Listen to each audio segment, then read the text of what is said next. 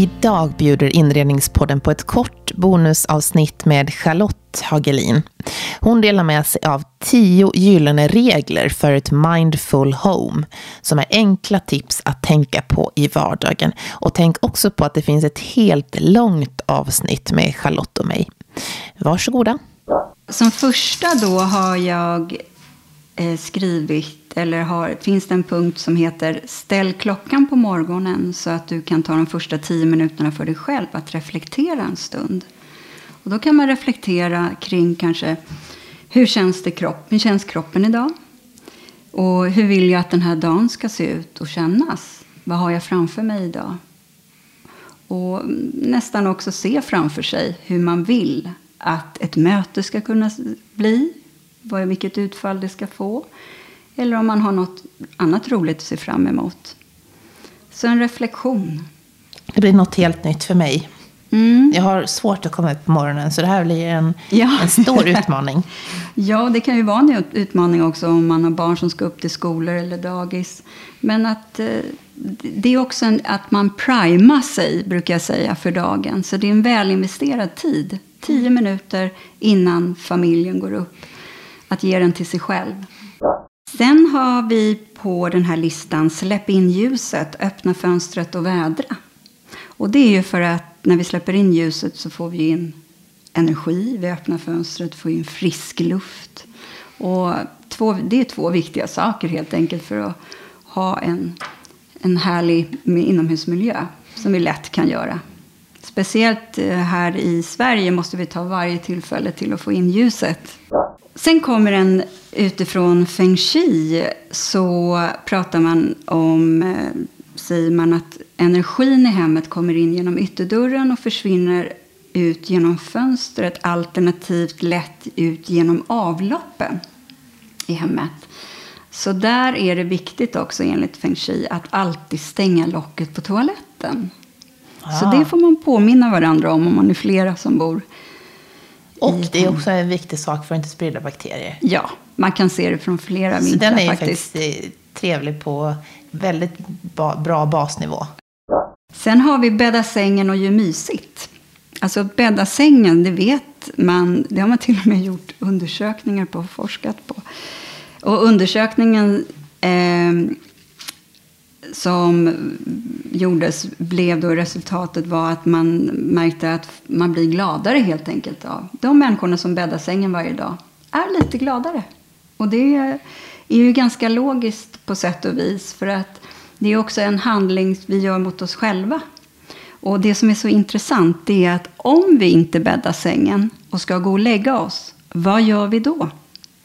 Då bäddar vi sängen. Exakt. Så irriterande. ja, precis. Så varför inte bädda den på en gång på morgonen? Ja.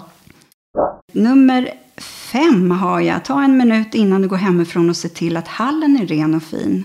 Det blir en bra välkomnande för dig när du kommer hem igen. Och det här är också någonting som sätter tonen för vilken energi vi bär in sen i lägenheten om vi öppnar upp dörren och vi faktiskt har en välkomnande och clutter-free, som jag säger. Alltså att det är rent. Åtminstone så att, att eh, vi får möjlighet att och, eh, och komma hem på ett bra sätt. Men det som är också så intressant det är att titta nästa gång du öppnar dörren hemma. Vad är det, det första du möter blick som möter din blick? Vad är det första du ser när du kliver in genom ytterdörren? Det är ju det där som jag har kastat ner innan jag sprang. ja. Eller så kan det vara att du har lagt lite tid på att det ska vara en fin bild eller en fotografi eller en vacker blomma. Eller någonting du bara tycker om. Det är också direkt en positiv härlig känsla. Ja, det är ju precis. Mm. Det tog jag verkligen till mig av när, vi, mm. när jag läste din bok. Mm. Att just se till att ha något som verkligen välkomnar. Ja. Så jag har faktiskt ställt en trähand från Bali. Aha, mm. härligt. Med fina minnen. Ja. ja.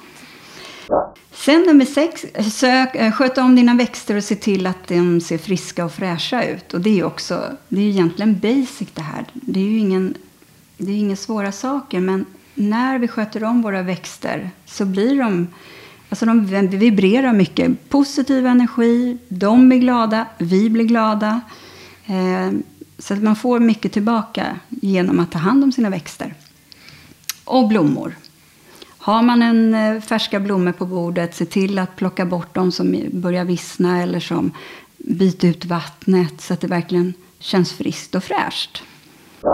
Nummer sju, ta några minuter varje dag och rensa bort onödiga papper och annat som inte används. Då undviker du att saker växer på hög.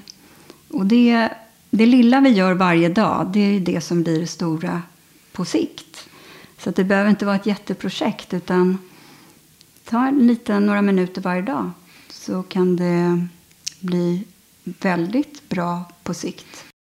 Se till att var sak har en egen plats. Den grundregeln hjälper till att skapa ett lugnt, lugn i sinnet. Och det var det här som vi pratade om tidigare. Att när vi rensar och organiserar så kan vi sen för att kunna underhålla det här hjälpa oss själva genom att ha bestämt de här sakerna ligger på den här platsen och här har vi det. Och det där kan man involvera hela familjen i. Och sen nummer nio så kommer den här med diskhon i köket på kvällen när vi går och lägger oss. Att vi ser till att diskon är tömd, instoppad i diskmaskin eller om vi diskar för hand. Och sen putsa lite extra. Så när vi kommer upp då nästa morgon så har vi en skinande diskbänk som möter oss. Så det blir en bra start. Efter då att vi har haft de här tio minuterna och primat oss själva så kommer vi upp till köket och ska starta dagen. Men det, det var ju det jag sa till dig innan att jag var ju lite sur på dig nästan när jag hade läst det här.